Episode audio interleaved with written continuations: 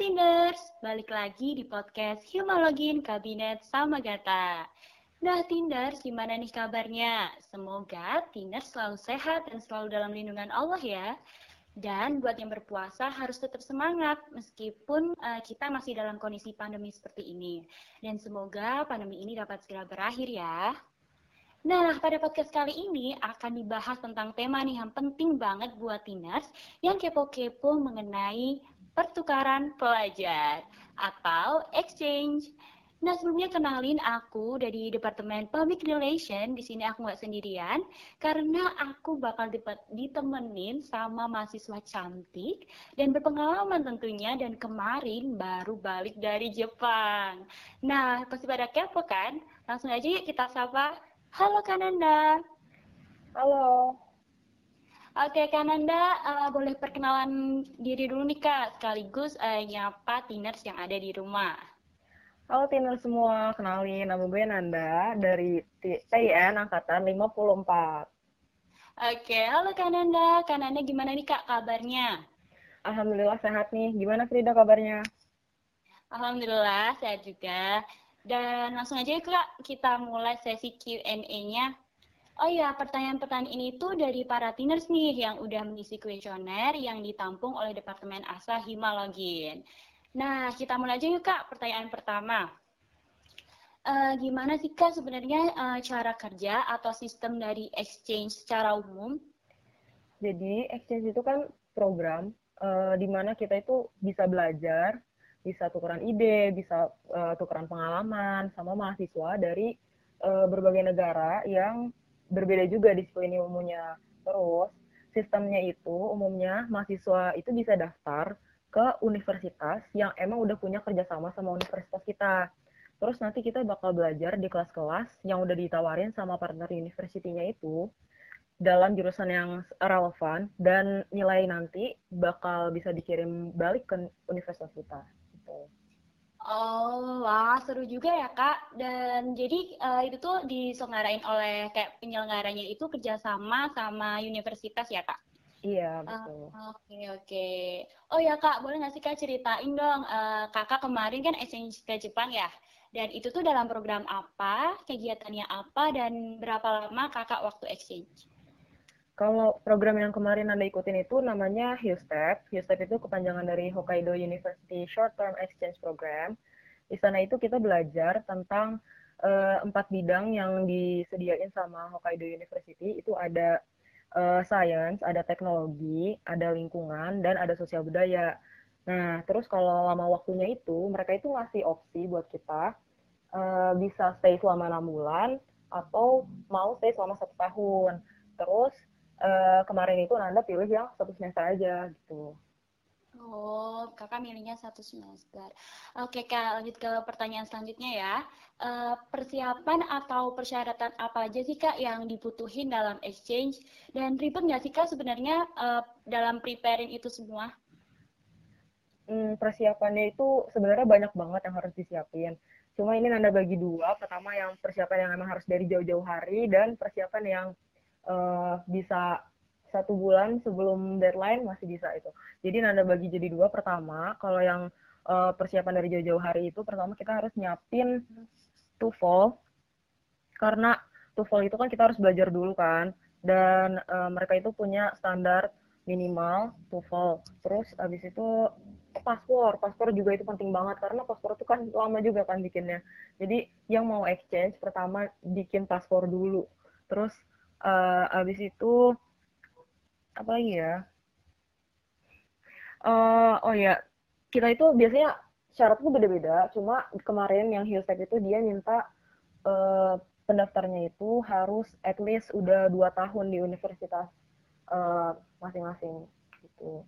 Oh, Terus, jadi uh, TOEFL sama paspor ya kak yang kayak hmm. benar-benar siapin. Iya, Oke kak, nah ini uh, mungkin pertanyaan yang menjadi momok nih buat para tiners uh, apakah mahasiswa IP atau IPK di bawah tiga itu bisa ikut exchange, Kak? Bisa kok, bisa banget sebenarnya. Jadi exchange itu kan ada banyak ya tipenya. Nah, kalau exchange itu bisa ikut karena kompetisi, kayak debat atau nulis paper atau conference.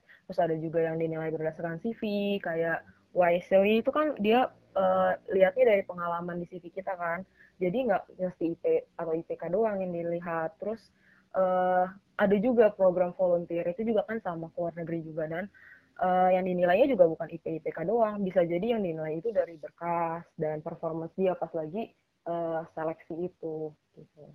Oh, oke. Okay. Nah, terus Kak, uh, syarat SKS yang harus terpenuhi ada nggak sih Kak? Dan apakah harus relevan dengan bidang yang kita pelajarin? Kalau departemen kita sendiri itu sebenarnya ngebebasin kita mau pilih apa. Tapi biasanya sih uh, emang dosen-dosen itu lebih menyarankan kita untuk uh, ambil mata kuliah yang masih relevan sama TIN. Jadi biar pas kita balik lagi itu nggak uh, ketinggalan banyak kuliahnya gitu. Jadi beban SKS yang uh, ada di kita buat semester selanjutnya itu nggak berat. Uh, tapi ya balik lagi ke kita kalau misalnya emang minatnya bukan di situ, uh, bisa pilih mata kuliah yang emang beda sama TIN. Tapi resikonya ambil sendiri, jadi harus um, kerja lebih keras di semester depan-depannya gitu. Oke, okay. uh, terus kak uh, organisasi eh aktif dalam organisasi dan sertifikat organisasi itu diperluin nggak sih kak dalam exchange? kalau harus aktif atau enggaknya ya sebaiknya sih aktif karena tapi aktifnya itu bukan cuma buat kejar servisnya doang ya jadi kalau ikut organisasi itu kan emang banyak kan pelajaran yang bisa kita dapat dari ikut organisasi ya, ya. nah tapi kalau uh, sertifikat organisasi dibutuhin atau enggak itu balik lagi sama program yang dipilih ada yang emang minta sertifikat sertifikat organisasi tapi ada juga yang uh, mintanya itu kayak overseas experience-nya udah ke mana aja kayak gitu. Okay. Oh iya. Terus kak uh, ini nih uh, tadi kan TOEFL ya persyaratannya. Itu tuh berapa sih kak uh, nilai minimal TOEFL? Syarat minimalnya itu rata-rata uh, ya TOEFL yang diminta kalau IBT itu nilainya 70, kalau TOEFL PBT-nya 525 dan IELTS-nya 6. Okay. Sedangkan kalau HISEC kemarin itu dia minta syarat TOEFL IBT-nya 79 dan IELTS-nya 6,5. Jadi beda-beda emang setiap program itu. Oh, beda-beda. Oke, Kak. Terus uh, exchange ini bisa diikutin sama mahasiswa semester akhir nggak sih, Kak? Bisa, bisa. Seingat Nanda, kemarin juga ICO itu nawarin uh, program untuk mahasiswa semester 3 sama semester akhir. Dan salah satu kakak kita, kakak kelas uh, kakak tingkat kita juga ada yang uh, yang sekarang lagi semester akhir, ada yang lagi exchange juga, Kak Afin namanya. Jadi bisa. Oke. Okay.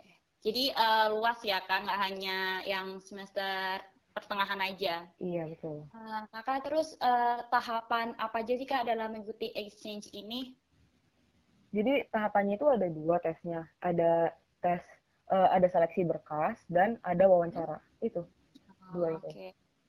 Nah ini nih kak, kadang kan ada mahasiswa nih yang belum uh, tahu kita bisa nemuin informasi exchange itu di mana dan biasanya dalam program apa, terus uh, gimana cara pendaftarannya. Itu tuh di mana sih kak kita bisa tahu informasi gitu-gitu tentang exchange? Jadi informasi exchange itu bisa kalian akses di Instagramnya ICO IPB. Di situ itu lengkap banget semua informasinya, syarat-syaratnya, beasiswanya juga. Dan Himalogi juga suka sharing-sharing informasi exchange juga. Jadi banyak sebenarnya informasi exchange itu. Oh ya benar, saya juga pernah tentang ICO IPB ini. Dan Himalogin juga uh, pasti share ya kak tentang iya. exchange. Jadi so stay tune aja nih buat Tinars. Nah kak ini nih exchange itu emang uh, cuma dilakukan di luar negeri negeri ya kak kalau exchange antar universitas ada nggak sih kak sebenarnya?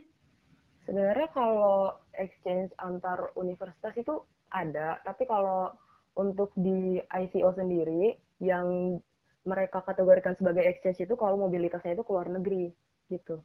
Oh, jadi keluar negeri. Oke. Okay. Nah, nih Kak, uh, terus uh, kira-kira periode untuk exchange itu berapa lama, Kak? Macam-macam nih periodenya. Ada yang um, sebentar, ada juga yang lama, ada yang dua minggu, ada yang tiga bulan, ada yang satu semester, ada juga yang satu tahun. Oh, Oke. Okay. Nah, ini Dika juga pertanyaan yang umum ditanyakan nih. Uh, sumber pembiayaan untuk exchange ini nih Kak, apakah yang semuanya full funded atau gimana Kak? Kalau di uh, eh, ICO IPB itu kan suka ada informasinya ya di depan uh, di posternya itu. Nah, mm -hmm. yang semua mereka tampilkan itu yang punya beasiswa Tetapi uh, setelah seleksi itu, misalnya kita udah dapet um, apa namanya uh, pengumuman lolos atau enggaknya, nah itu baru kita dapat pengumuman beasiswanya dapat atau enggak gitu. Dan beasiswanya itu dibagi jadi tiga, ada yang fully funded, ada yang half funded, ada juga yang self funded. Oke. Terus uh, tadi kan ada dua tahapan seleksi ya kak, ada seleksi berkas sama wawancara. Nah, boleh dong kak tips-tips agar bisa uh, lolos seleksi tersebut di ICO IPB? Hmm, yang Nanda uh, ingat ya pas lagi wawancara itu, pertama uh, waktu perkenalin diri itu tuh harus padat, jelas dan harus profesional pas uh, uh, menjelaskan karakter kita itu. Terus uh, kita harus menunjukkan keseriusan kita. Uh, misalnya nih kita uh, pengen exchange ke Thailand misalnya, terus paling enggak kita belajar bahasa-bahasa yang uh, simple mereka, bahasa mereka yang tapi yang dasar-dasarnya aja. Jadi itu menunjukkan kalau kita itu serius untuk mau belajar di sana. Terus uh, kita juga harus siap informasi seputar programnya kayak gimana, universitasnya kayak gimana, negara tentang negara yang kita tuju itu kayak gimana itu karena semuanya itu bakal ditanyain. Terus um, courses-nya juga. Jadi kenapa kita pengen pilih program itu, itu relevan atau enggak? Dan terakhir itu bakal ditanyain perizinan. Apakah kita udah diizinin sama orang tua? Terus apa dosen udah ngizinin gitu? Semuanya bakal ditanyain sama hmm, yang wawancara itu Oke, jadi kayak udah kelihatan ya kak keseriusan kita buat exchange ini. Iya. Nah, tadi Kak, masalah dosen nih, gimana sih Kak cara milih dosen agar berkenan memberikan surat rekomendasi? kalau dosen sebenarnya kita bisa minta ke dosen pembimbing akademik. E, kalau kemarin Anda minta ke dosen pembimbing akademik karena diminta dua dosen, jadi pertama ke dosen pembimbing akademik dan kedua ke pas prihatin. Sebenarnya dosen-dosen TIN itu semuanya support uh, suportif semua, jadi pasti kalian bakal dimudahkan lah kalau misalnya mau minta surat rekomendasi gitu. Jadi nggak usah takut. Oke, wah, Kak akhirnya semua pertanyaan sudah dijawab dan semoga nih Kak para tiner semakin banyak nih ya yang ikutan exchange setelah mendengarkan podcast kali ini. Iya, amin. Semoga tiner semakin banyak ya yang ikut exchange.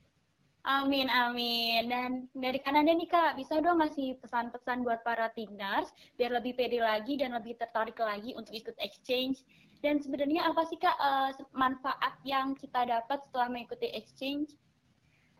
Jadi pesan saya buat teman-teman semua yang mau berjuang ikut exchange, jangan lupa doa, jangan pelit informasi, dan jangan pula ny males nyari informasi.